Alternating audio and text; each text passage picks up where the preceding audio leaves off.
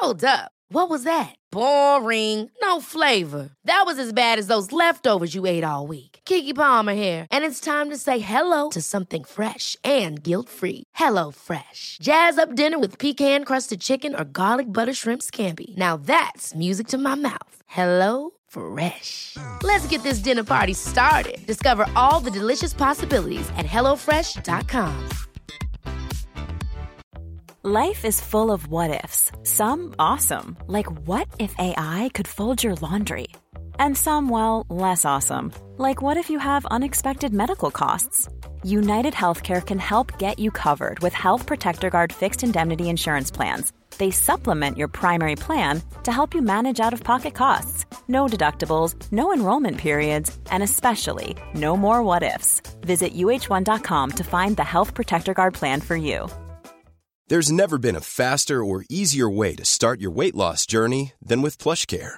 PlushCare accepts most insurance plans and gives you online access to board-certified physicians who can prescribe FDA-approved weight loss medications like Wigovi and Zepbound for those who qualify. Take charge of your health and speak with a board-certified physician about a weight loss plan that's right for you. Get started today at plushcare.com slash weight loss. That's plushcare.com slash weight loss. plushcare.com slash weight loss. Går man rakt in på shitlisten, då hamnar man där, absolut. Um, så det, det kan vara både och faktiskt. Are you kidding me?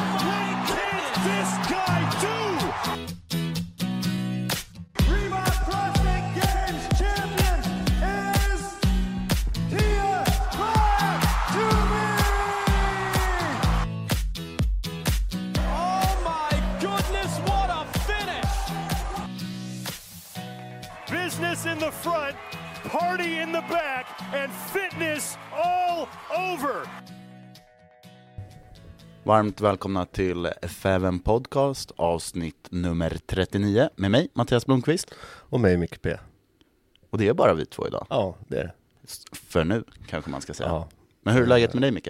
Det är bra. Härligt. Jag mår bra.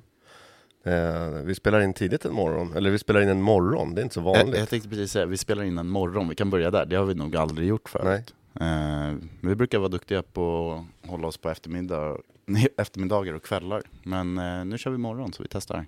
Ja, vi gillar ju den här grejen så det var inga problem med det, men Nej, gud nej. Och vissa kanske kallar det här för förmiddag eller lunch om man är i byggbranschen. Men då, då har ni en aning om vilken, vad klockan är. Men det är söndag faktiskt, så vi, inte, vi, vi har inte skolkat från bygget. Nej, nej, det har vi faktiskt inte. Men sen så var vi ju extremt taggade. Vi har ju uppgraderat vår studioutrustning lite grann också. Så det gjorde ju att man var lite extra taggad på Ja, att podda jag, idag. vi måste lägga upp någon bild på det här. För nu, nu, har, vi en, nu har vi en studio. Den, om Johan vill kan den gå som uthyrning snart. Alltså, för nu är det liksom, det här är ju värre än Cheiron. Ja men precis, det enda som saknas det är väl någon sån här riktig ljudpanel eh, Ja. som ska sitta överallt så ljudet bara dör överallt. Ja, riktigt fint. Eh, hur mår du? Du har varit kraxig i veckan. Ja, eh, precis. Det hörs kanske fortfarande att man är lite kraxig. Jag har hostat och haft mig och ja, småbarnsförkylningar som går runt bara känns det som eh, hela tiden. Så Siri är sjuk en vecka, jag är sjuk nästa vecka och så varvar vi så från eh, förskolebacillerna. Men det tråkiga var, jag hade ju tänkt att jag skulle göra SM-tester, i, eller kvaltesterna igår. Just Men det blev ju inget av den här veckan eftersom eh, ja, min hals inte tillåter det. Du skulle kört med Stor-David va? Jag hörde att han hade gjort dem i, Ja, han- igår, sa Johan. Ja, han körde ett A och ett B igår. Gjorde Ja. det riktigt bra. Så ja, det hade varit kul att, att köra. Eh, så jag ska försöka få till det här i veckan och i alla fall få någon form av resultat på Mm. tavlan. Spännande. Mer för att det är en kul grej och att vi har snackat så jävla mycket om det så nu måste man ju göra Ja. Jag var ju med och hjälpte, det finns olika nivåer i det här också. Jag var ju med och hjälpte Lill-Hugo i Lill och Lill-Hugo. Hugo i fredags med test 2A. Just det, ja. Jag fick ju se att man kunde utveckla teknikerna på både det ena och det andra. När han tog tag i den där hanteln och skulle göra dumbbell squats. När jag bara, Ska det verkligen bara vara 22,5? Så. ja. Sen började han igång. Han ställde sig ju aldrig upp, han bara tog den där och satte den över huvudet liksom. Nej men alltså jag såg det och det var helt nytt. Jag skrev ju det till dig. Ja, För det var helt nytt för mig att eh, sätta hanteln Alltså att sitta ner i skotten innan hanten är utlåst Ja. läge över huvudet kan man ju säga. Ja, jag tror jag kommer se väldigt Om- många som kör den där varianten. Ja men precis, och det, det går ju sjukt fort liksom. Ja. Men för en annan så har det ju alltid varit liksom utlåst axel först, ha balans och sen sätta sig ner liksom, Ja. så man har kontroll på övningen. För den är ju sjukt utmanande hela övningen liksom. Ja, det är det. Om man som oss har lite problem med rörlighet i Men höfter ska, man, ska man någon gång värma upp så är det före man ska göra de här skills-testerna där och man ska in i den där dumbbell. Det känns Ehm, som att då, då bör man eh, ha det på sig. Det är lite skillnad från om man såg den första där 90 sekunder max reps, dumbbell squat snatch. Man tänkte så här, ja, hur många kan folk göra? Så här, det är ju 20 typ. Men Ja. de, det är rätt många som gör 30 plus och säkert någon som gör upp mot 40 stycken på Ja, den här en och en halv alltså. minuten. Så ehm, ja, det är säkert någon som slår 40 gränsen också. Eh, det går undan. Ja, då, då har man ju ett jäkla tempo. Man Ja, jag ska inte 40 säga vad plus, Hugo men, hade, men, Nej, det eh, för det, det, får han, det får han ta för sig själv. Men, Ja. men eh, det var i alla fall mer än vad jag tänkte med att någon skulle komma upp i på en och en halv minut. Så kan man säga. Ja, men eh, om, om, och du hade tänkt i ditt huvud någonstans runt 20 så Ja, men har vi lowbarat den så kan vi ju liksom, Ja. så kan folk få komma med egna gissningar på det. Men då ska jag, då ska jag, jag testade ju en minut själv förra veckan. Jag Ja. hade någon sån här förkörning på en minut och gjorde 19 stycken. Så att eh, det, man gör fler. Om man klarar av att sätta sig med hanteln då, det är väl nummer ett. Ja, precis, det är väl det som är problemet. Ja. Men eh, det är ju faktiskt så att vi sitter ju här för att vi ska eh, bjuda in en gäst. Jag vet inte om hon har gjort testerna, vi får kolla med henne helt enkelt. Ja. Men det är i alla fall en av Ja. Sveriges främsta crossfit-atleter i modern tid som eh, har väl tre gamesplatser tre år i rad eh, i form av lag. Hoppas han inte säger nu så att "Nej, men jag kan inte göra det för jag kommer inte ner i en dumbbell squat snatch. Ja precis, att hon, eh, det inte funkar någonting. Ja, nej, men vi, eh, vi gör väl så. Vi ringer in Antonia Fält Kotulinski helt enkelt, så tar vi det därifrån. det gör vi.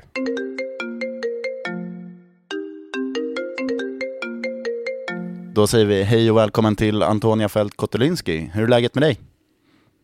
Åh, tack så jättemycket. Eh, nej, men det är bra tycker jag.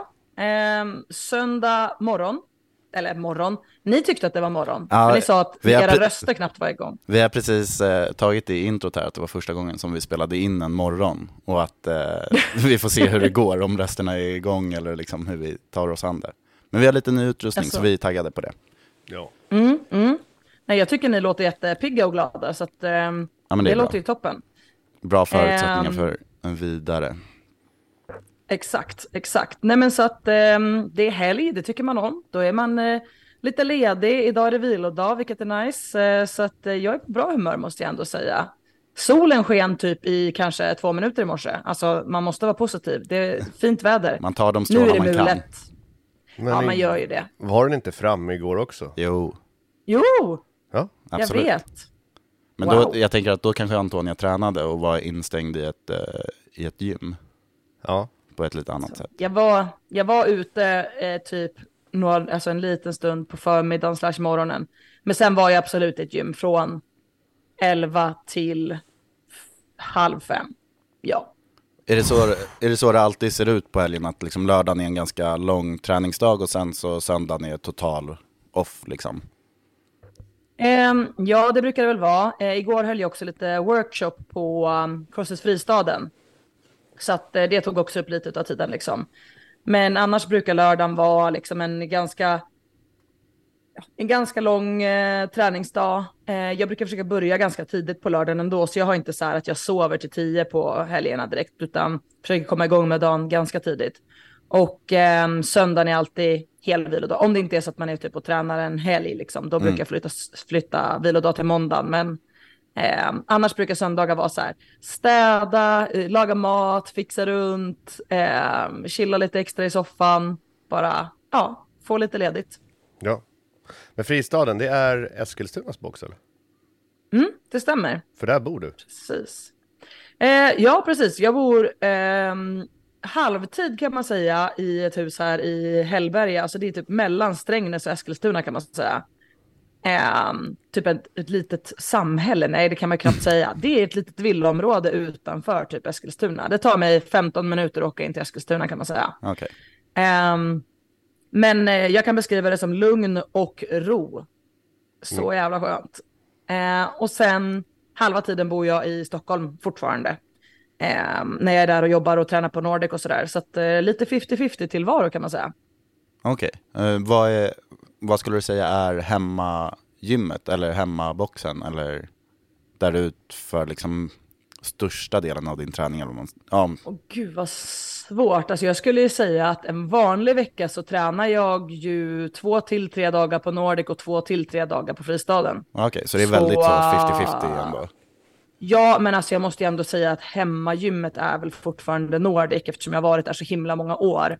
Ehm, så det är klart att Nordic känns som hemma och väldigt många av mina liksom, eh, vänner som jag har haft under längre tid finns ju på Nordic. Så att eh, absolut, men jag har blivit så himla fint välkomnad på fristaden också, hittat jättemycket nya eh, vänner och liksom eh, sällskap när jag tränar och folk som vill haka på här också. Så att eh, fasen, det visar att crossfiten är fantastic. Eh, faktiskt. Men du känns inte heller som en person som har svårt att hitta nya, nya vänner och träningskompisar när du är igång. Du är inte så jätteintrovert verkar Nej, alltså jag tror inte folk kommer undan mig när jag Nej, kommer in på exakt. ett gym. Alltså ens om de önskade att de kunde typ. Man får gömma sig bakom en box då eller bara vara riktigt, riktigt otrevlig. För att annars kommer jag ju typ att befrienda dig liksom och haka på någon workout som du kör eller någonting. Ja, fy fan. Så där hör ni, om, Tvångssocial. om Antonia inte har hunnit eh, liksom komma fram till er på gymmet när ni står och tränar så det är helt okej att gå fram och säga hej. Gud ja, absolut.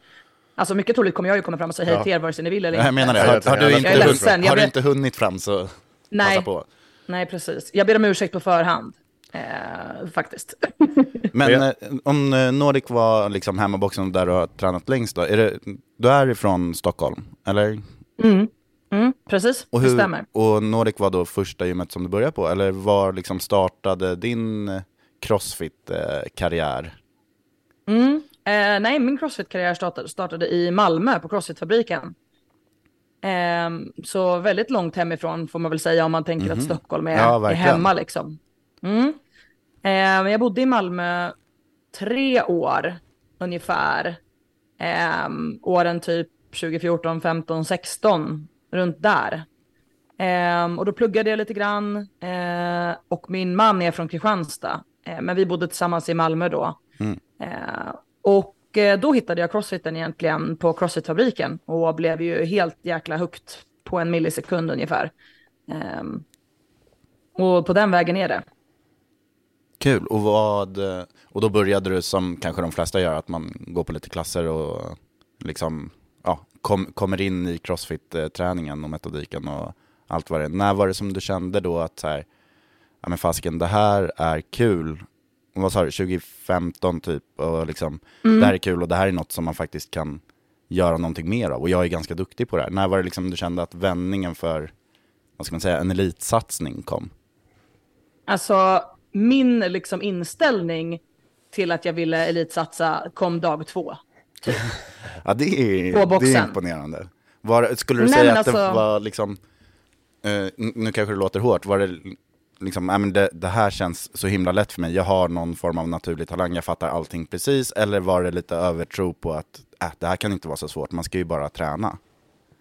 Mm, nej, ingen av de två skulle jag egentligen kanske säga, utan mer typ så här. Äh, wow, det här är det coolaste jag någonsin har varit med om. Det här verkar så jävla grymt. Jag vill bli lika duktig som de där. Um, och bland annat då som tränade på boxen då var ju eh, Mia Häsket, eller då Mia Åkerlund som var med i fabrikens lag inför Games då 25. Nej, 15 var ju, började på hösten, så 2016 Och David Så Karlsson då eller?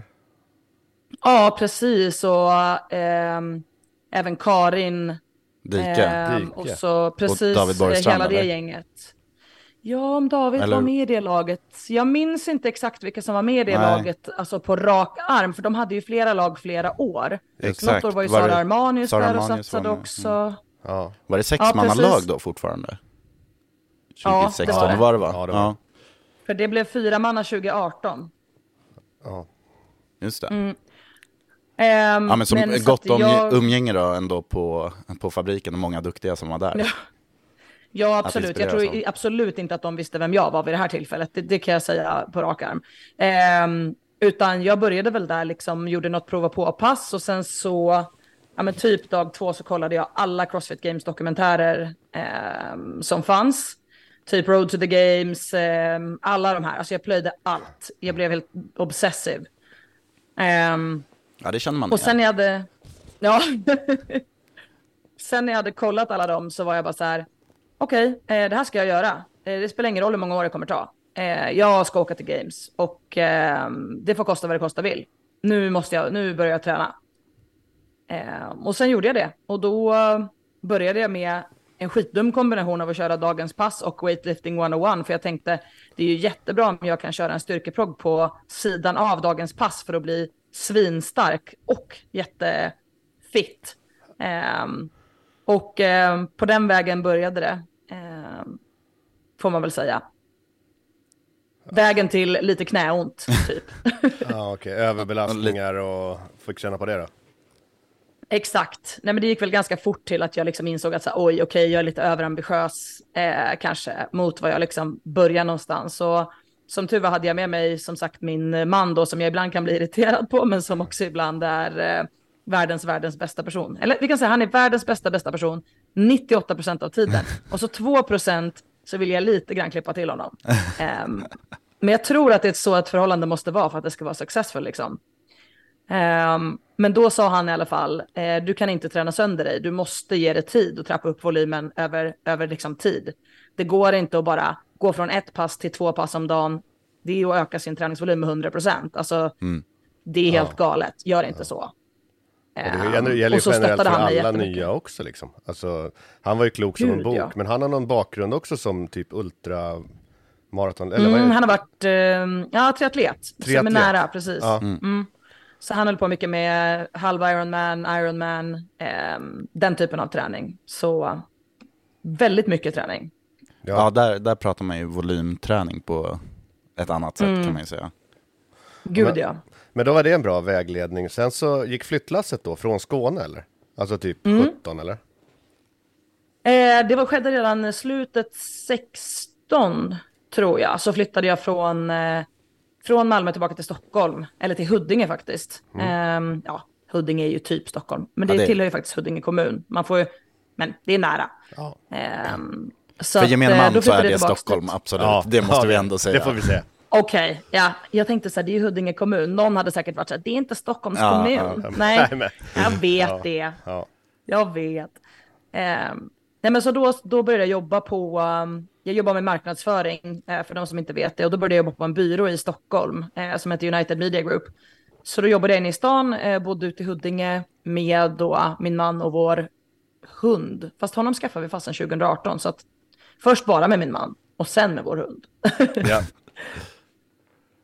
Och då var det Nordic som gällde? Eh, nej, faktiskt inte. Eh, först så började jag, jag körde en kort, kort stund på Eh, den här boxen, eh, Noxbox som låg vid Globen. Ja. Mm. Eh, så där kvar. körde jag en kort stund. Ja, det gör den säkert. Mm. Eh, och ehm, eh, hittade väl inte riktigt, eh, jag hittade några liksom bra kompisar där som jag körde med under ett tag. Eh, Linnea Börjesson och Elin Andersson körde därifrån. De, de eh, svepte in och blev supertalanger båda två och var så jäkla duktiga så himla snabbt. Så jag mm. blev helt överkörd av dem och tänkte det var då fan. eh, men eh, jag tänkte envisast vinner så jag fortsätter. Eh, och så fortsatte vi kriga på där, men vi tränar mycket tillsammans.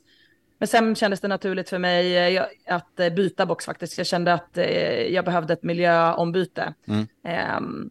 Ehm, så då bytte jag till den boxen som då hette Crossfit Atum.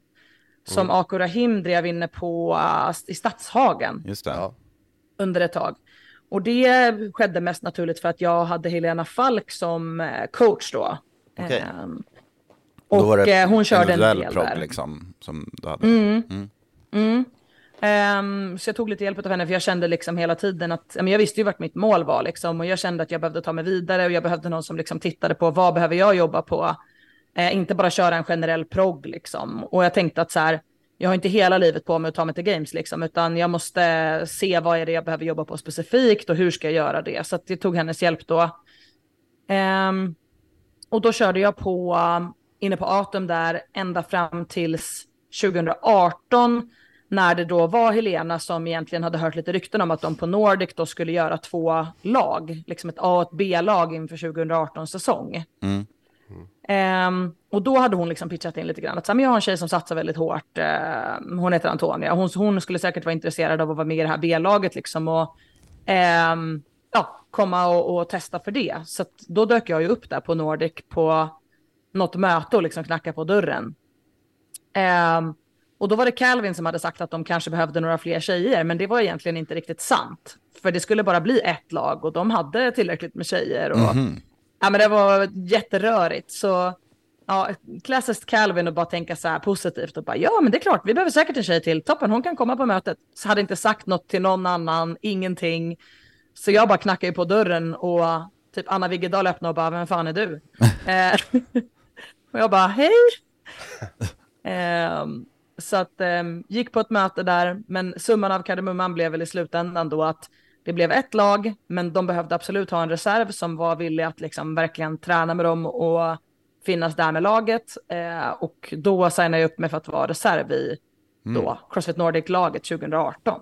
Det minns jag faktiskt, att du var så. Det var nog Ja, första gången jag okej. såg ditt namn, att du dök upp i Crossfit-eliten liksom. Eftersom att du har ett ganska Mm, Nej, eget exakt. efternamn så lägger man det på minnet liksom. Ja, ja exakt. Ja, det är inte det lättaste. Eh, Nej. det har jag märkt ute på tävlingsgolven i världen. nej, men nej, det där minns jag. Men dök inte du upp i samband eller precis efter då på tyngre tango? Jo, eh, det gjorde jag också, vilket var så sjukt random. Eh, jag skulle ju absolut inte vara med på tyngre tango, för jag hade inte, det var inte så att någon visste vem jag var och jag hade inte blivit bjuden dit egentligen. Utan Mikaela Norman körde med Max Olivestrand.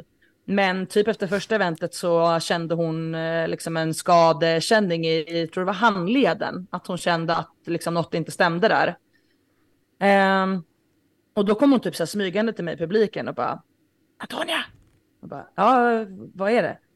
Det var byta in! och jag bara, byta in? Vad menar du? Hon bara, nej men Max vill köra och eh, jag får ont i handleden, jag måste bryta. Och jag bara, men jag har precis tränat tre och en halv timme för, att kom- för att komma hit och sen titta på det här liksom. Jag har inte med mig något ombyte, jag har inte med mig någonting, jag har knappt med mig mina saker liksom. Hon bara, men eh, du kan låna, du kan låna grejer av mig. Jag bara, ja, men vi har inte riktigt samma storlek på saker och ting liksom. Ehm, och sen så fortsatte hon typ så, jo, ja men kör med Max, det blir kul. Eh, och så kom Max och bara, men det är klart att vi ska köra, eh, hoppa in för fan. Ehm, så då hoppade jag in och körde eh, tyngre tango, alltså då resterande utav eventen. Förutom det första då med, eh, med Max. Så det var ju lite så här random. Eh, men det gick skitbra, jag persade min snatch och allting. Så att, eh, Ja, det var ju en bra det tävlingsdag. var kul. Det var en bra tävlingsdag efter tre timmar träning. Och slapp så vara nervös inför och sådär, så det är ju toppen. Exakt, jag behövde inte vara ett dugg nervös. Jag klev bara rakt ut på golvet från publiken liksom. Vad häftigt. Men eh, och apropå tävling, jag, jag försökte ju faktiskt eh, kolla upp lite och sen så, mm, det finns ju en eh, fin feature på Competition Corner när man kan kolla upp eh, atleter och se liksom, tidigare event och tidigare tävlingar som man har varit med i. Men jag tror aldrig jag har sett någon som har tävlat så mycket som du har, för det verkar som att du har varit eh, över hela världen på alla möjliga platser och tävlat. Det är liksom Kina, Brasilien, det är eh, Ja. games och det är liksom, ja men överallt. Så hur liksom, var, var det liksom tyngre tango där som, och efter det som du började tävla på riktigt eller liksom i samband med det, eller när drog liksom tävlingslivet igång för dig?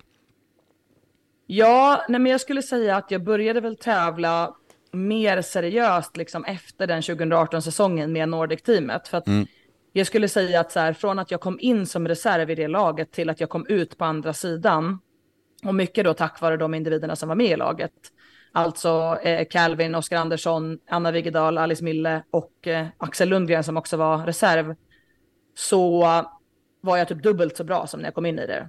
Alltså jag verkligen liksom typ dubblade min kapacitet. Det var Okej, så ja. himla Det var där värdefullt. lyftet kom liksom, eller vad man ska säga. Ja, det var Mm. verkligen liksom. Det var där jag gick ifrån att vara så här, äh, men en helt så här, äh, en ganska bra, eh, liksom, vad ska man säga, vanlig gym. Ja. Eh, alltså en vanlig liksom, eh, gymmet. dagens pass. Ja. Men typ en vanlig dagens passdeltagare, fast duktig liksom till att jag verkligen kom upp på nivån att jag kände att så här, nej men fan, jag kan nog ge mig ut i världen och tävla och liksom testa på det här.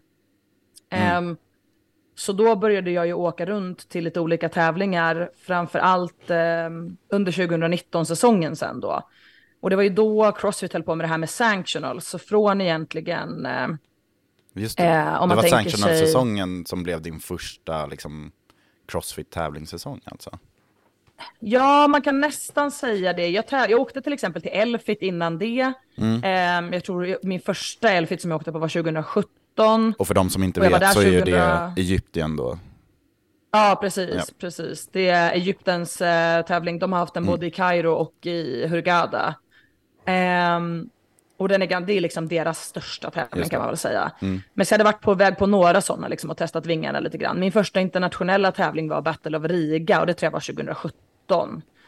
Mm. Eh, då tävlade jag faktiskt mot Karin Frejova. Ehm, det var faktiskt lite roligt eh, att tänka på det nu, liksom så här långt efteråt. Ja men verkligen, sju år senare och Eh, båda på games. Men hon var fan svinstark redan då.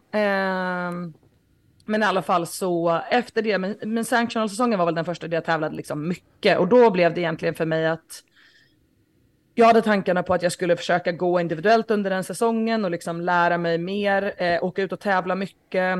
Så att från Open så kunde du då kvala in till diverse olika sanctionals. Så du typ anmälde dina Open-resultat i olika sanctionals-tävlingar och så liksom rankades du mot andras Open-resultat och så tog de ut folk liksom.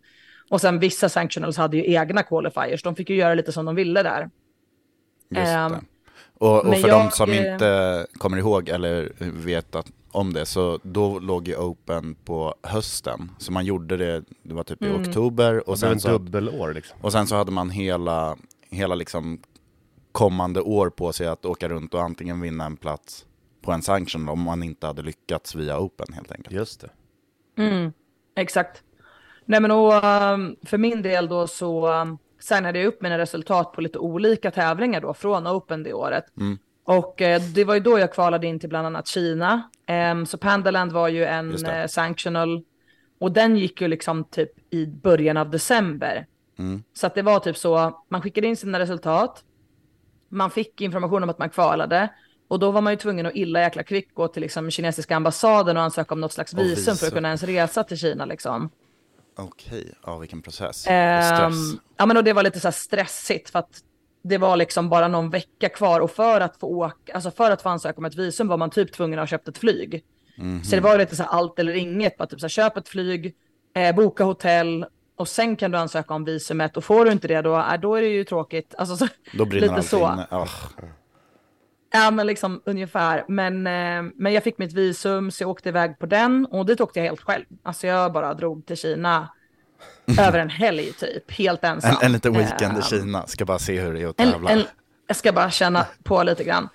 Ehm, men jag hade, Louise Wikström var där med ett lag. Hon var där och tävlade med Rebecca Witesson, André Hodé och eh, jag tror att det Från var Julian. Krag som de körde med. Ja, precis.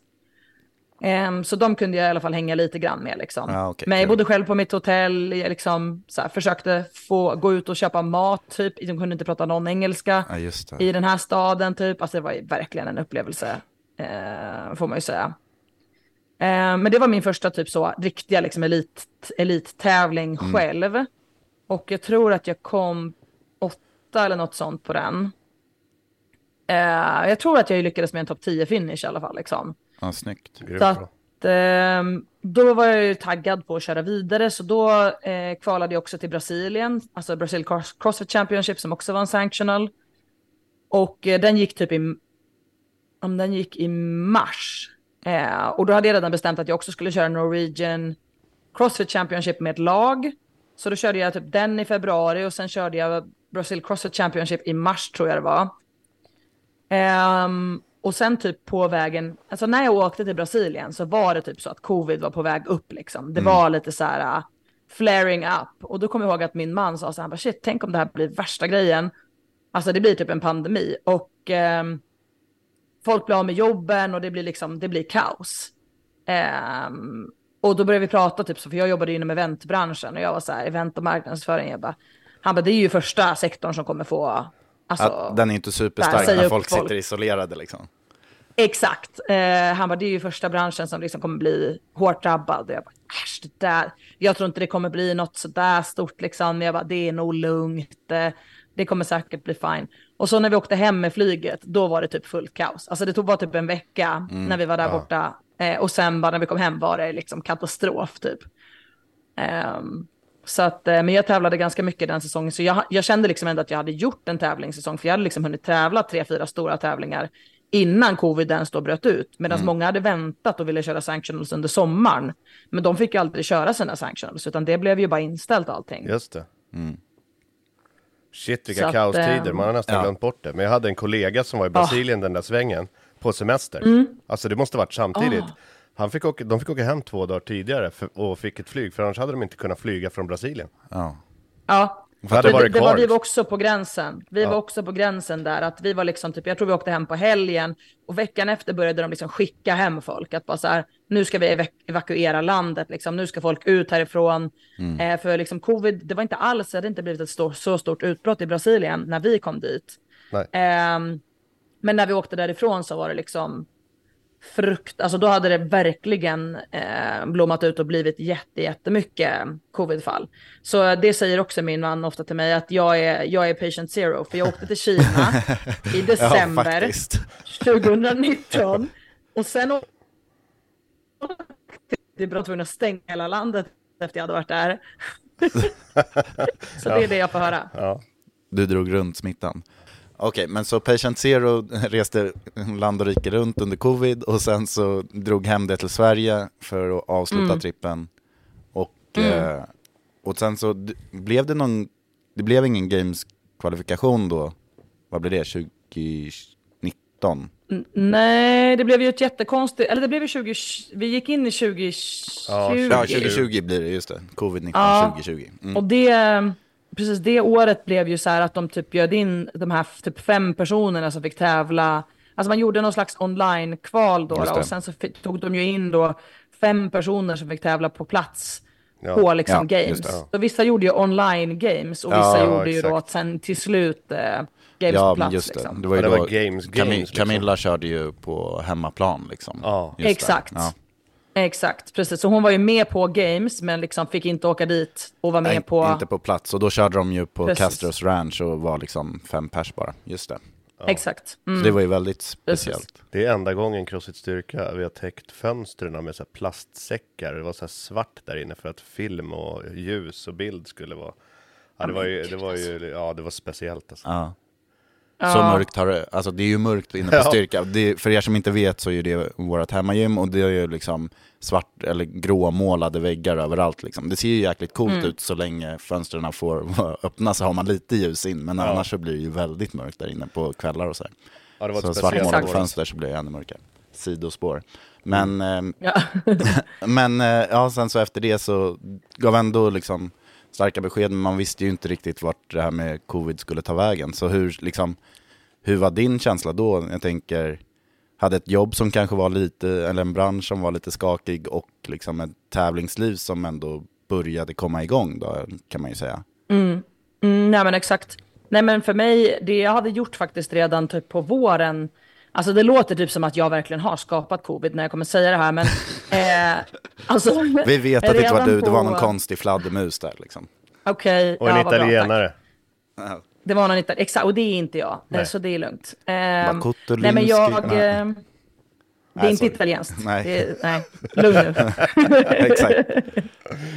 Cottolini. Eh, men Antonia, det Antonia brukar säga. Åh, ja Antonia. Nej, vi skyller på fladdermössen och italienarna, så du går fri. italienare, Så du är friställd. Men Tack. eh, förlåt, Tack. kör. Ja, nej, men det, det kommer låta som det nu, men då hade jag i alla fall, eh, jag hade redan liksom innan det här hände eh, sökt till universitetet igen, för jag ville vidareutbilda mig inom marknadsföring. Eh, jag ville jobba lite mer, eh, eller jag ville jobba upp mina kompetenser inom eh, kommunikation och PR. Eh, så jag hade sökt en master på Stockholms universitet som då skulle börja till hösten.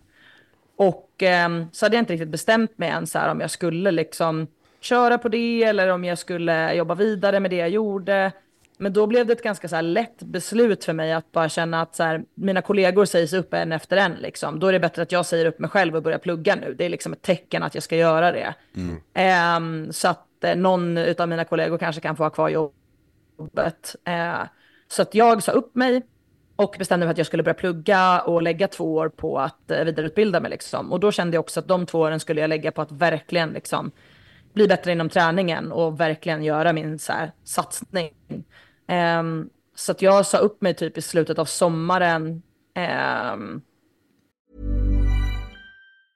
Jewelry isn't a gift you give just once. It's a way to remind your loved one of a beautiful moment every time they see it. Blue Nile can help you find the gift that says how you feel and says it beautifully with expert guidance and a wide assortment of jewelry of the highest quality at the best price. Go to BlueNile.com and experience the convenience of shopping Blue Nile, the original online jeweler since 1999. That's BlueNile.com to find the perfect jewelry gift for any occasion. BlueNile.com. Ever catch yourself eating the same flavorless dinner three days in a row?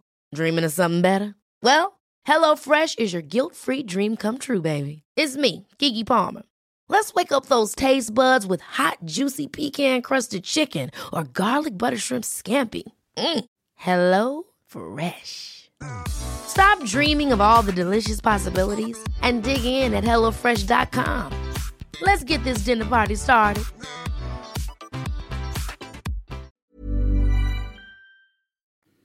ja vad blir det då? Eller jag blev uppsagd, jag sa säg upp mig. Eh, och eh, det var typ i kanske juni eller något sånt.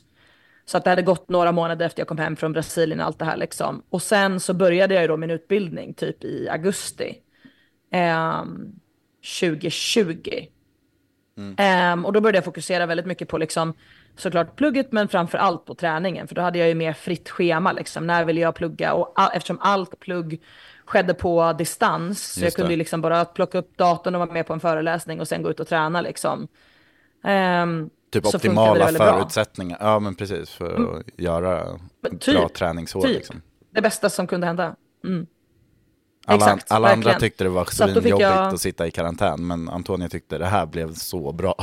Mer karantän. Så jävla bra tajmat ja. tänkte jag. Det här blir toppen. Um, nej, men så då började jag eh, liksom eh, rampa upp min träning och vid den här perioden så hade jag liksom gått över från att köra med Helena till att köra liksom under tiden med eh, laget körde vi the training plan lite grann. Efter det hade jag hjälp av Martin Altemark ett tag och sen efter det hade jag liksom gått vidare från det till att börja köra prepared. Så jag körde, körde prepared programming och eh, utvecklades liksom väldigt snabbt på den och tyckte att det funkade super, super bra.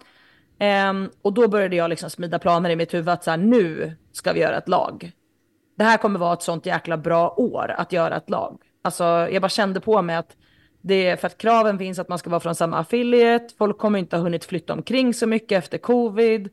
Det här, det här är ett bra år. Mm. Jag bara kände det på mig. Så då sa jag till Anna Viggedal och Max och Oskar att så här, det här är ett bra år, vi ska köra lag. Ja. Och de bara nej, det, det ska vi inte göra. Jo, sa jag. Det, det ska vi göra. Det ska vi göra. Ja. Ja, eh, och Oskar var väl lite så här, ja men jag kan tänka mig liksom, jag skulle tycka det var kul. Eh, och Max och Anna var lite så här, ah, jag vet inte, vi ska nog köra individuellt. Eh, men vi kan, vi kan köra lite lagträningar och sådär och så kan vi se och så kan vi köra både kvartsfinal för individuella och för laget. Och så ser vi lite grann liksom mm. vad, hur vi ligger till. Ja men okej, liksom, jag fick ju köpa det, att det var det, var det commitment om vad vill jag ge liksom. Så jag sa, men vi kör på, men jag lovar det, när vi har kört kvarten med laget så kommer ni känna liksom att så här, vi ska köra lag. Mm. Um, och så rullade vi på med säsongen egentligen och sen slutade det med att eh, det var bara, det var bara jag som kvalade individuellt och de andra kvalade inte individuellt för att det blev sjukdom och det blev eh, saker som gjorde att eh, de inte gjorde liksom så bra ifrån sig på individuella kvartsfinalen som de hade kunnat. Båda hade fått covid typ strax innan mm. eh, och inte riktigt återhämtat sig eh, från det. Så att jag kvalade individuellt, eh, men eh, ingen annan gjorde det. Och då sa jag, men jag skiter i min individuella plats om vi kör med laget nu. Men då får ni liksom, då får ni committa till det här. Mm. Och då sa de, jajamän, vi kör laget. Eh, och då körde vi ju på den säsongen. Eh, och då var det fortfarande online-kval för semifinalerna också. Eftersom covid ändå precis liksom hade typ börjat bli under kontroll. Mm. Så jag kommer ihåg det så väl. Vi körde semifinalerna liksom eh, online och vi filmade allting, skickade in det och så satt vi där och så bara väntade man typ så på att en leaderboard skulle uppdateras för att se om man hade kvalat till games liksom. Och så jäkla suspekt oh. känsla och bara så här, Jaha, uppdatera leaderboard är inget, uppdatera leaderboard är inget, uppdatera leaderboard, ja ah, vi vann semifinalen, vi har kvalat till games. What? bara så konstig känsla.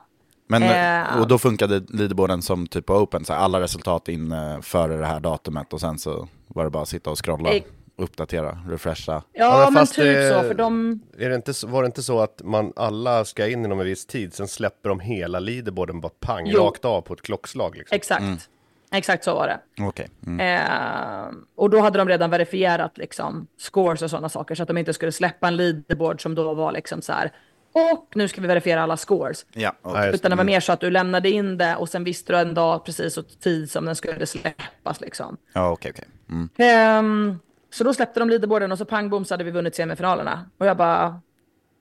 Jag sa ju det, tänkte jag bara. Jag bara, det här var min lagsäsong, jag sa ju det gänget. Jag sa ju det, jag sa ju det. Jag bara, vad, vad, vad tjafsar ni om? Ehm, men så det var första gången som vi kvalade till Games, eh, egentligen. Ja. Så det var jävligt sjuk säsong. Ehm, men jag vill bara säga, igen, jag hade rätt. Eh, jag håller fast vid det. Det var vår lagsäsong, liksom. det, vi, vi skulle göra det där. Ja. Ja, imponerande. Och sen så har det rullat på sen med, med lag. Du har liksom släppt det här med individuellt lite grann och så har du ju kört lag därefter. Och det har ju faktiskt blivit Ja. två gamesplatser till nästkommande år liksom. Mm, nej men det stämmer. Nej men jag gillar att köra gamesäsongen i lag faktiskt. Eh, just för att den är så himla lång. Ehm, och också så som gamesäsongen är upplagd nu så är den så himla känslig. Alltså är man lite förkyld en helg själv och du kör individuellt så liksom kan allting falla på det. Ehm, och jag tycker väldigt mycket om att träna med andra och liksom det sociala är en jättestor bit för mig i crossfiten. Ehm, så jag trivs väldigt bra i att köra lag och tycker att det är jävligt roligt. Sen har jag tävlat ganska mycket individuellt på sidan. Ehm, jag har bland annat kört Elfit, jag har kört Vodapalooza individuellt ehm, 2022. ehm, och liksom lite andra större tävlingar. Och då gillar jag jättemycket att tävla individuellt. Tycker det är superkul att liksom testa min, min nivå. Men um, gamesäsongen är som sagt väldigt lång och eh, jag ska vara helt ärlig och säga också att när man är på games och ser typ vissa individuella atleter och typ så här bara hur de mår i sig själva med den typ prestationsångesten som de går runt med och liksom så här typ nu har jag tagit mig hit till games, nu måste jag verkligen visa att jag hör hemma här. Alltså man bara ser liksom Eh, ja, men jag bara så här, det där, jag avundas inte det där. Det där är ingenting som jag, alltså, och jag vet att om jag väljer att gå individuellt något år så kommer jag säkerligen inte att känna så för att jag, eh, jag tror att då, jag hade valt det av en anledning och då kunnat verkligen acceptera den anledningen och lite grann se det på ett annat sätt. Men just när man tittar på liksom upplevelsen, då brukar jag tänka vad kommer jag komma ihåg när jag är 60? Alltså så här, vad kommer jag berätta tillbaks? Och bara, ja men 2023 när jag gick med laget så hände det här och det här och det här. Vi hade jättekul och jag och Sam gjorde det här och jag och Mia gjorde det här eller vad det nu skulle kunna vara. Eller kommer jag typ berätta om de fem åren som jag försökte kvala till games eh, individuellt, lyckades ett år, hade stark prestationsångest och typ lite så här imposter syndrom för att visa Ja, att man faktiskt hör hemma där som individuell atlet. Alltså så här, jag vet inte. Jag, eh, jag tycker att det behöver lyftas för att det, det, liksom, det speglas så himla fint i media att så här, wow, du har tagit det till games som individuell, du är liksom 0,1 0,0001 procent i världen och liksom så himla duktig och bra och man bara, men hur bra mår folk? Alltså vissa av atleterna egentligen.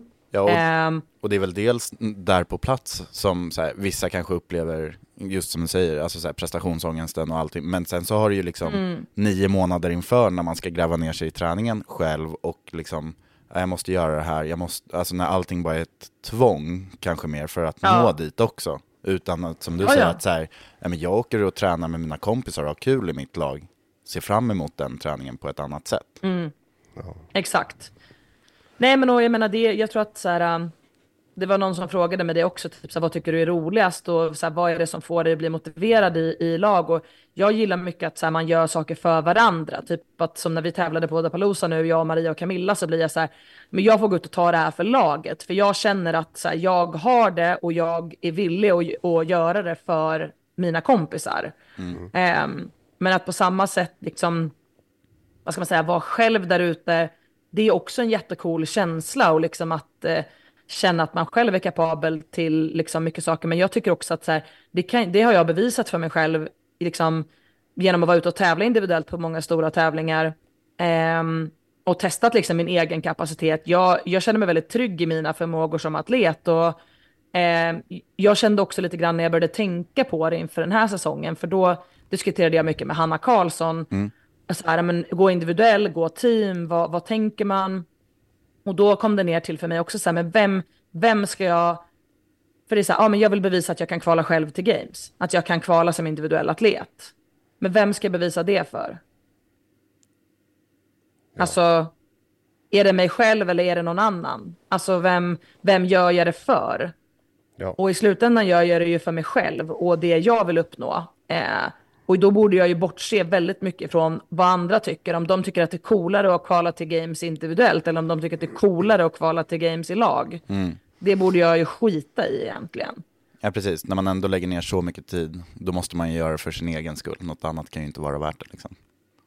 Nej, men typ så. Och eh, jag känner mig väldigt liksom, stolt över den som jag har blivit som atlet och jag känner mig ganska så, trygg i att jag tycker att jag är en duktig och kapabel atlet. Och jag känner inte att jag behöver liksom bevisa det för någon annan än för mig själv egentligen på något sätt heller. Eh, så jag tyckte bara typ att det var så en skön insikt att, och sen fick jag jättemycket stöd av min coach också, Henrik Willhammar, för jag ringde honom då så var jag så här, vet du vad, jag var shit, alltså, vi har ju pratat om att jag kanske ska gå individuellt den här säsongen och jag tror att jag kommer vilja gå individuellt någon säsong. Jag tror att det kommer komma en feeling där mm. jag vill göra det för min egen skull. Men det är inte i år. Alltså jag, jag känner inte riktigt det för år. Jag tror att jag kanske vill spana på möjligheterna och, och skapa ett lag för i år också. Um, och då sa han så här, ja, han bara, det är väl skitbra. Och då var jag så här, jag trodde kanske att du skulle bli typ lite besviken på mig. Han bara, varför då? Alltså, varför skulle jag bli besviken på dig för att du vill göra någonting som du uppenbart har gjort extremt bra de senaste tre åren och eh, att du liksom är ärlig mot dig själv och vill göra någonting som du tycker är kul, som du vill som atlet. Mm. Det kommer jag bara att stötta liksom. Så han var bara så här, jag förstår inte alls varför du skulle känna så. Och då blev det bara så himla självklart för mig att bara, men det är klart att jag, jag kan köra lag om jag vill det och eh, jag kan köra individuellt om jag vill det. Och det, det handlar om vad jag vill göra och vad mitt lag vill göra om jag har ett lag och ja, men, liksom hela den. Sen har jag verkligen stora så här, om det skulle bli så att jag kör lag i år. Eh, ingenting är bestämt för mig. Jag tänkte precis eh, fråga, hur, hur, ser det ut liksom, eh, 2024 och framåt? För du har ju kört eh, med lag, men det, ja, det var väl den här för någon vecka sedan som eh, eh, din tidigare lagkamrat Mia, hennes lag presenterades ju hejvilt mm. känns det som och är ju liksom spritt lite ut över hela Europa. Exakt. Men, men hur, hur, hur ser det ut för dig, eller är det något som inte är klart? Det är inte, riktigt, har... eh, det är inte riktigt 100% klart än. Nej. Okay. Mm. Um, så vi får se lite grann vad det blir för den här säsongen. Men, uh, men liksom, jag tror ändå att jag har varit öppen typ, med, med i min och Hannas podd och liksom runt om till andra som jag känner och så att jag har liksom försökt att hitta ett lag att köra med för att jag tycker att det är väldigt kul. Ja. Um, men sen kommer jag inte liksom att köra med något lag bara för att heller. Utan du, jag vill du vill ju vara med och tävla med ett lag liksom. Nu börjar ja, jag, jag fatta ha... varför vi inte har fått samtal, Blomman. Ja, jag, nej, jag, jag sitter ju och väntar varje men dag jag, på att jag har ju mejlat, eh, jag har ju mejlat det, men det kanske var i skräppostadressen Ja, det kanske var på den där no reply-mailen, ja. ja. ja. så hette den nog. Ja. Det men jag, eh, det här ska bli spännande att följa ju, men jag tänkte bara gå tillbaka till det också, för de som inte vet kanske så, så har du ju varit väldigt framstående i dina lagsatsningar, alltså Games förra året, ni placerade er sexa eller? Mm. Ja, ja, och sen så, eh, sen Wodapalooza som är en stor tävling, där var ni ju faktiskt, ni låg ju i vinnarhålet i princip hela, hela, hela tiden tills, tills det började ösregna. De ändrade sista eventet och det blev kaos. Och ni, ni ledde ju ganska ja. stort inför det eh, och slutade tvåa. Mm. Så att du, har ju, du är ju med på väldigt stora framgångar i lagtävling också, vilket man kanske så det finns, jag tycker det finns en förklaring till att kanske ja. fortsätta på vinnarspåret också, så det är ju inte speciellt konstigt. Du verkar hitta nej, en bra nej, men... form att tävla i. Ja men precis, så jag menar det, det var lite grann det som jag också pratade om inför den här säsongen. Att så här, jag vill fortfarande, mitt mål har ju varit att stå på pallen på games som team. Och eh, det har jag ju inte lyckats med än. Alltså det kändes som att vi hade ett jättebra lag förra året och var väldigt nära på att liksom uppnå det vi ville. Ja. Eh, men eh, lite grann liksom med, ja men man ska aldrig säga att man har otur med proggen, men om man tänker på vilken mm. profil vårt lag hade så hade vi kanske liksom önskat oss lite mer skivstång, lite mer räcke, alltså mm. lite mer Eh, Sådana saker, lite mindre löpning.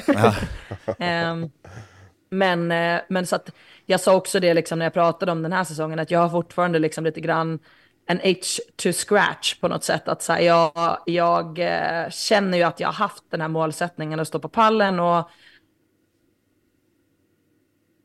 Nej. är en, så här, vare sig jag skulle gå individuellt i år eh, och nästa år eller vad det nu skulle kunna vara, eh, om jag nu skulle göra det, så skulle jag fortfarande vara sugen på att liksom återgå till, till lagformatet och ta den där pallplatsen. För det, det är något som jag ändå har siktet på. Ja. Ja men spännande då. Då får vi se lite vad, eh, vad som väntar i 2024 helt enkelt.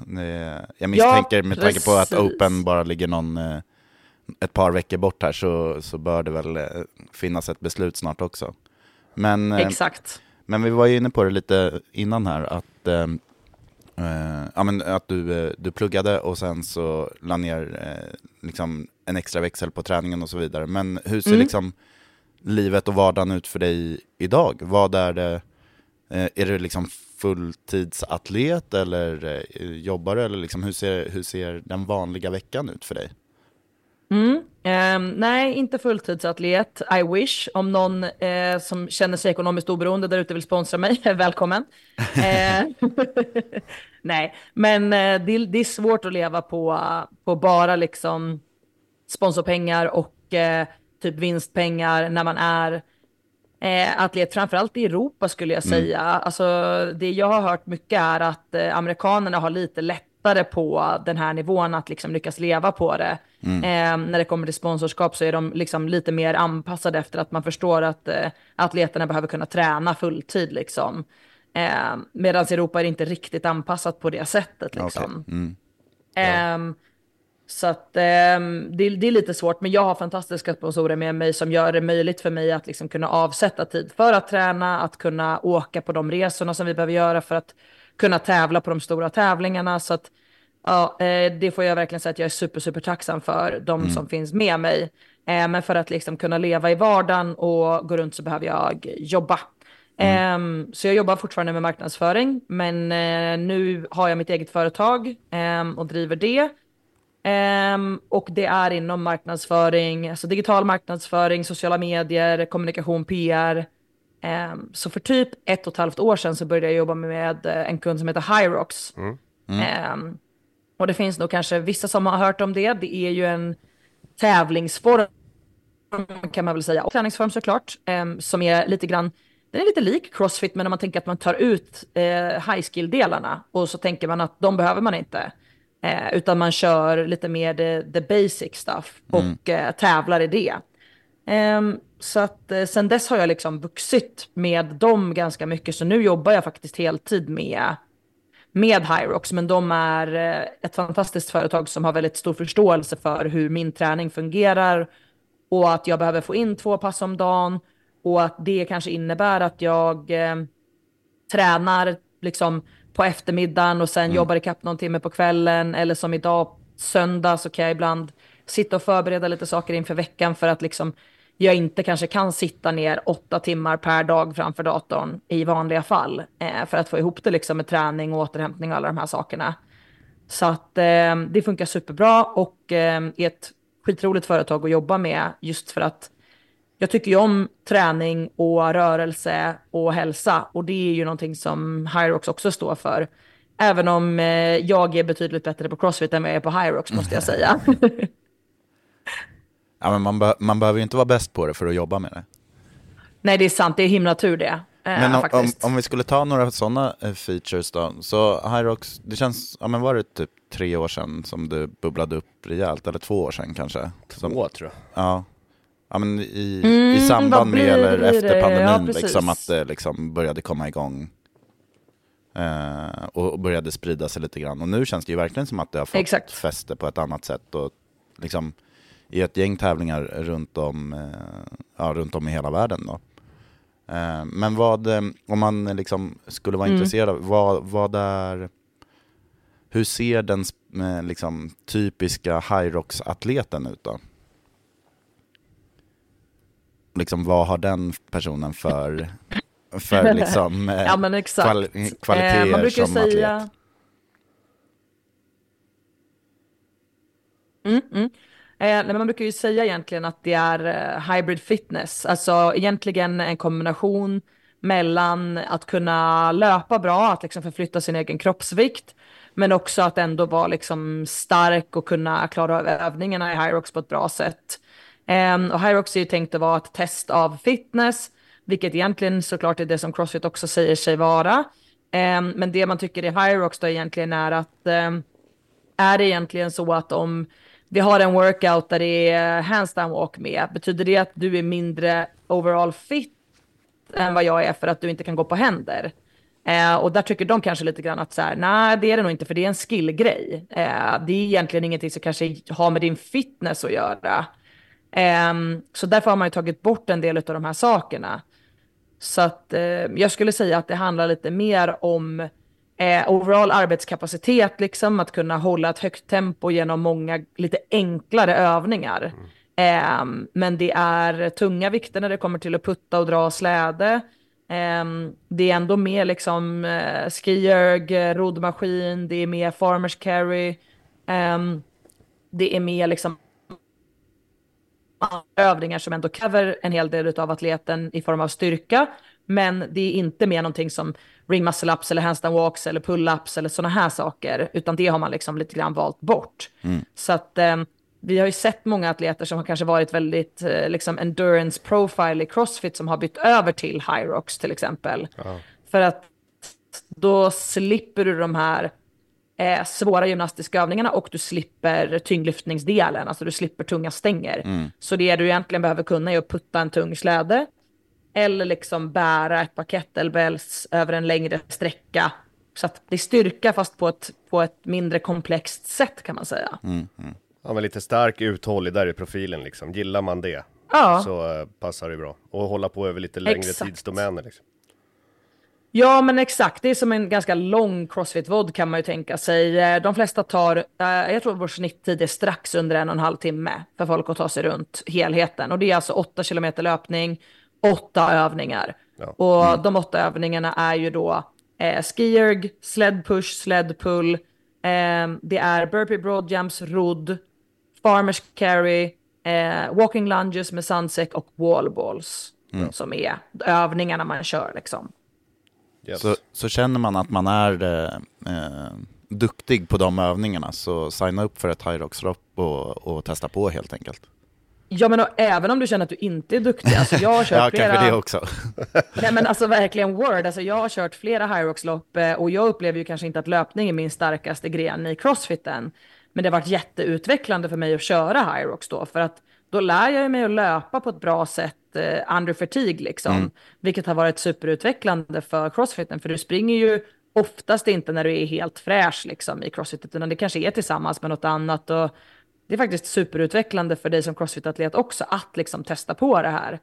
Ehm, så nej, fasen jag skulle säga det, även om man känner att så här, det här kanske inte är mina starkaste grejer inom crossfiten, nej men make it your strongest.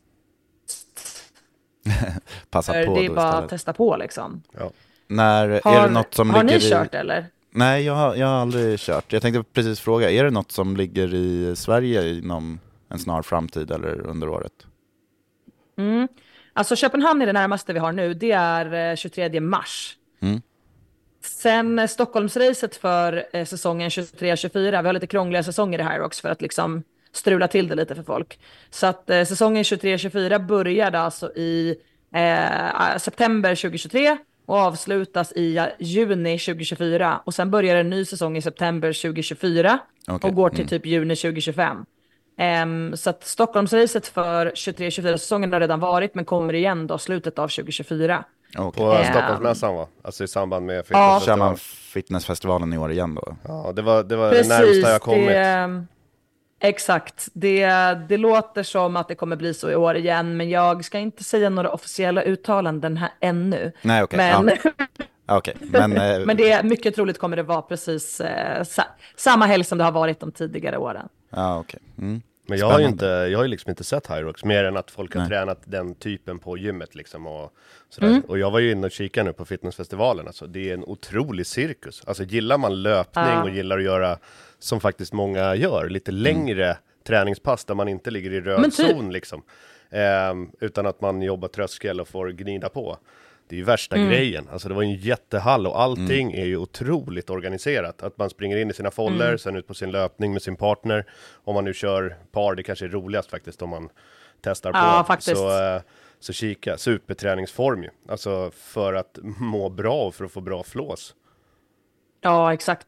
Nej, det är super, super kul. Alltså, jag har kört dubbel flera gånger och det är ju en jävligt rolig grej att göra tillsammans.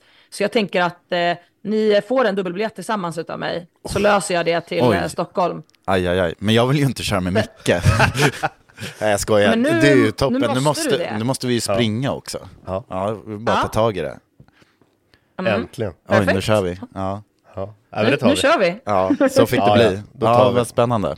Men eh, framöver nu Vilken då. ångest det blev Jag här nu i såg den det här podden. Förlåt. jag, Men, såg, såg det direkt hur jag började Ja. kvida här. Ja. åh, åh, nej. Mm. Micke har ju Ja, ändå och- sprungit ett maraton, han kan ju löpa, det kan inte jag. Du ser, du ser. Ja, 2014, Perfekt. jag vet inte om man kan leva på de meriterna. Tio år sedan bara. Ja, exakt. Det är väl, tio år sedan. det är väl så man Ja. gör som Ja. gammal gubbe, då, Exakt. då får man leva på gamla Vet ju meriter. hur man gör. Ja, ja. Det är bara att springa Mm. och sen när kroppen säger nej så fortsätter man att springa. Men Just det. Eh, nu framöver då, Mm. kommer du att göra eh, SM-kvalet? Ja, absolut. Det kommer jag göra. Eller har du gjort det? Eh, kanske- Nej, jag har inte gjort det. Nej. Vilket är, förlåt att jag är en dålig, dålig förebild här för alla som så här, har Vadå, frågat man har mig. Har du gjort det? Jag bara, en vecka på sig ju. Eller en vecka kvar Jag ska vi vet. väl säga. Och när man lyssnar på det här Exakt. så är det väl ett par dagar, men eh, ja, men det finns fortfarande tid. Exakt. Ja. Det finns tid. Så att jag, ska, jag ska bränna av de här nu i början av veckan. Eh, är min tanke. Eh, men absolut ska jag göra det. Eh, det har varit bara mycket träning och jag har varit iväg på någon träningshelg och så har det liksom inte blivit av att jag hunnit få in det i liksom programmeringen. Så att eh, jag, jag skickade ett röstmeddelande till min coach eh, här typ i förrgår och bara tja, måste göra funktionell fitness SM-kvalet, har inte fått det på proggen än, kan vi lösa det i början av nästa vecka, tack Ja. MBH.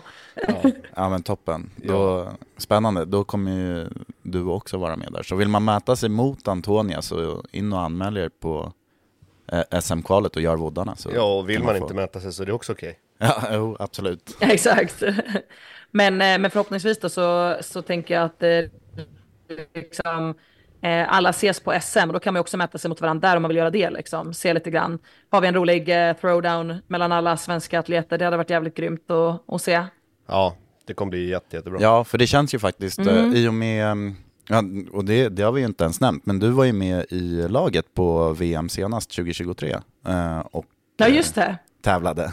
Så Sent, sent inhopp. Ett, ett Ja. sent eh, inhopp Just där eh, som gjorde att du fick åka till Oslo och, och tävla. Eh, Mm. Och jag tänkte bara att så här, det känns som att eh, i och med det och liksom hela förra året nästan så känns det som att eh, functional fitness har fått ett litet uppsving i alla fall här i Sverige. Att liksom folk pratar mer om det och är mer intresserade och faktiskt kör kvalet i år. Ja. Mm. Nej men exakt.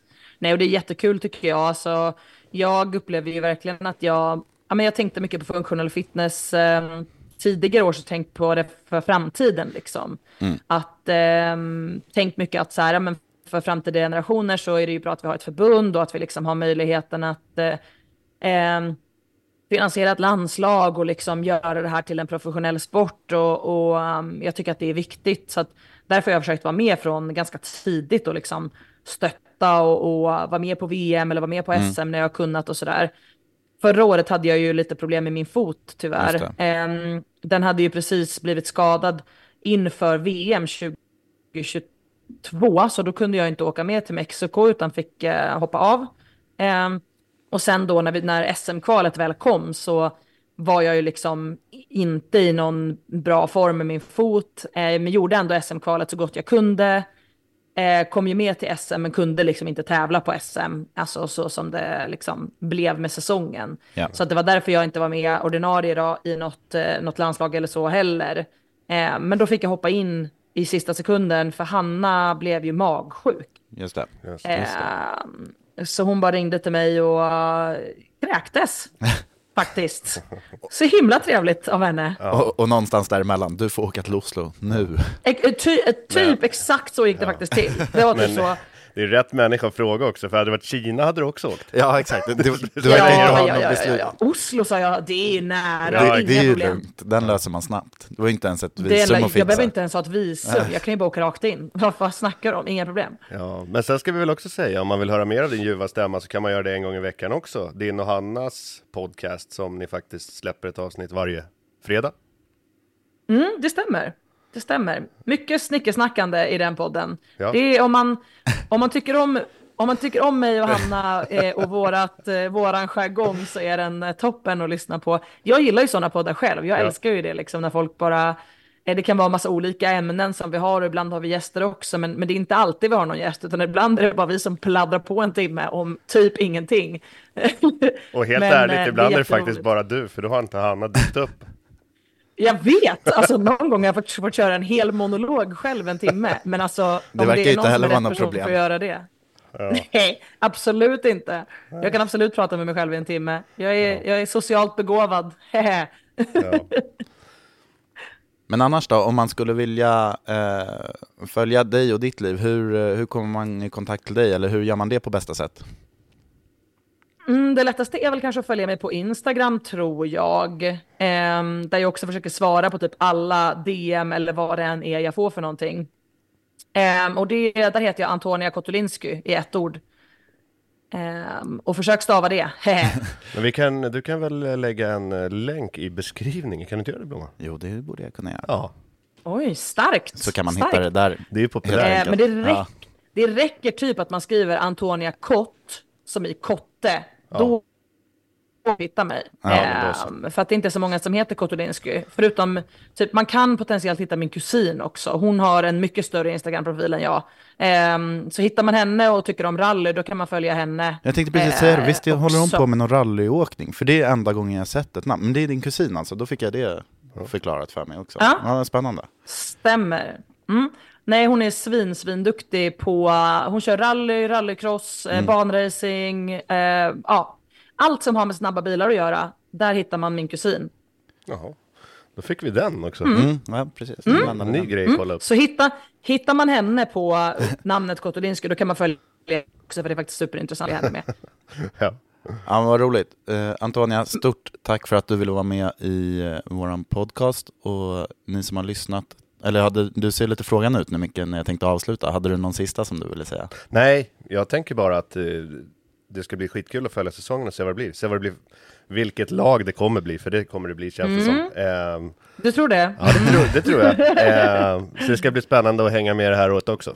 Ehm, För er som inte ser då, eh, vi ser ju Antonia här och hon ser ganska finurlig ut så fort vi nämner ett lag. Så jag tror att det kan vara något som kokar. Men vi, vi, vi ska inte säga mer än så, utan vi låter det vara. Jag lurar, jag lurar nog på någonting, men vi får se vad det Ja. blir. och vi ses på High Rocks. Ja, vi ses på High Rock som inte annat i, eh, när det nu blir då, men mot december någonting, Ja. slutet av året. Exakt. Sen är jag och Blomman Exakt. inte främmande för att resa, så att vi kan ju tänka oss något annat lopp också. Ja, ska vi till Köpenhamn om två Ah. veckor tänker du? Åh, om två veckor. Ja, det är bra. Då kan jag fråga det är Johan, inte, det är inte om två veckor, Nej, det var är inte, slutet det av var mars. inte februari, grabbar. slutet av mars. Ja. Alltså om eh, två månader.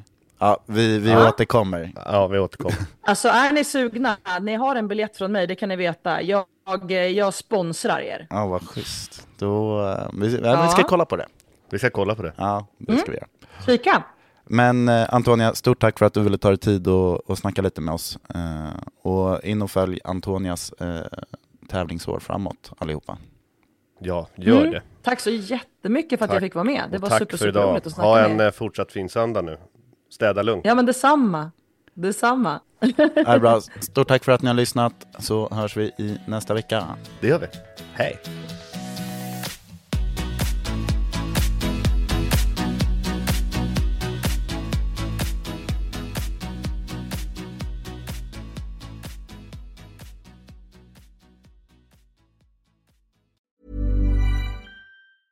Hey, it's Danny Pellegrino from Everything Iconic. Ready to upgrade your style game without blowing your budget? Check out Quince. They've got all the good stuff shirts and polos, activewear, and fine leather goods, all at 50 to 80% less than other high end brands. And the best part? They're all about safe, ethical, and responsible manufacturing. Get that luxury vibe without the luxury price tag. Hit up quince.com slash upgrade for free shipping and 365 day returns on your next order. That's quince.com slash upgrade. Ever catch yourself eating the same flavorless dinner three days in a row? Dreaming of something better? Well, HelloFresh is your guilt free dream come true, baby. It's me, Gigi Palmer. Let's wake up those taste buds with hot, juicy pecan crusted chicken or garlic butter shrimp scampi. Mm. Hello Fresh. Stop dreaming of all the delicious possibilities and dig in at HelloFresh.com. Let's get this dinner party started. Imagine the softest sheets you've ever felt. Now imagine them getting even softer over time. That's what you'll feel with Bowl and Branch's organic cotton sheets. In a recent customer survey, 96% replied that Bowl and Branch sheets get softer with every wash. Start getting your best night's sleep in these sheets that get softer and softer for years to come. Try their sheets with a 30-night guarantee. Plus, get 15% off your first order at bowlandbranch.com. Code BUTTERY. Exclusions apply. See site for details.